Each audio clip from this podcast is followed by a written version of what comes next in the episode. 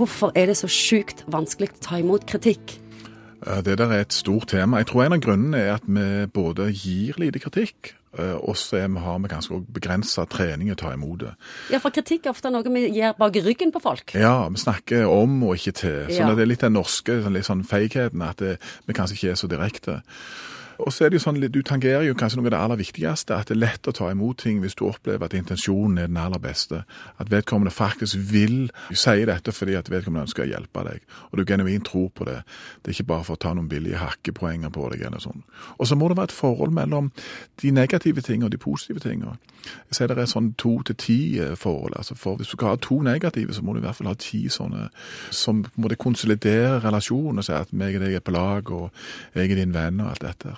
Og Hvis du begynner på en måte en relasjon uten at du har noe innestående på kontoen, hvis du forstår, sant? Med, med kritikk, sant? Så, så går det jo veldig fort ad undas. Og det ser jo vi i møte med pasienter òg, at hvis du begynner å påpeke ting før du har en relasjon å kjøre med, så er som regel løpet kjørt, og vedkommende syns at du var den grevla dårlige psykolog. Men av alt det vi kommuniserer til hverandre, hvorfor det med kritikk? Hvorfor reagerer vi så voldsomt? truer jo selvfølelsen og egoet vårt. og denne, Hvis du har en grunnleggende idé om at alle skal like deg, f.eks., så vil jo alle disse tingene som kan smake av sånn, et element av ikke bli likt, være grevla skummelt. Altså det som, Når vi trener på at folk barberer på å kritikk, så sier vi at du må gå nedover det vi kaller slutningsstigen. Du må ikke si det at eh, du er arrogant eller du er besserwisser, men du kan f.eks. si det at noen ganger når du snakker til meg, så føler jeg meg liten.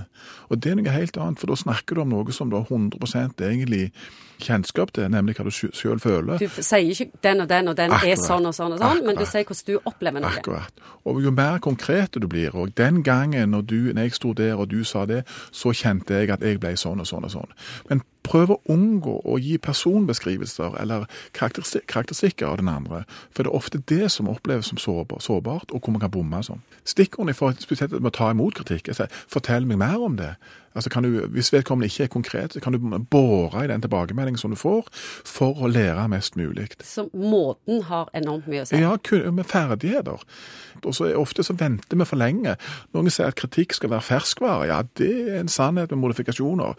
For noen ganger så kan det være lurt av deg å ta en liten sånn tenkerunde på kammers før du klinker til. For det kan komme, det kan, du kan komme altfor sterkt. Hvordan reagerer du på kritikk? Jeg er sikkert ikke stort bedre enn andre. Jeg har jo litt bedre, kanskje. fordi jeg, jeg vet jo at nå gjelder det å skjerpe egget sant? og ikke, ikke reagere refleksivt. Det er jo ofte det som Hva mener du med refleksivt? Ja, at du på en måte, Hvis du får noe bang som du syns er veldig urettferdig, så har du på en måte, går det an å lære seg. Det må jeg tenke litt på.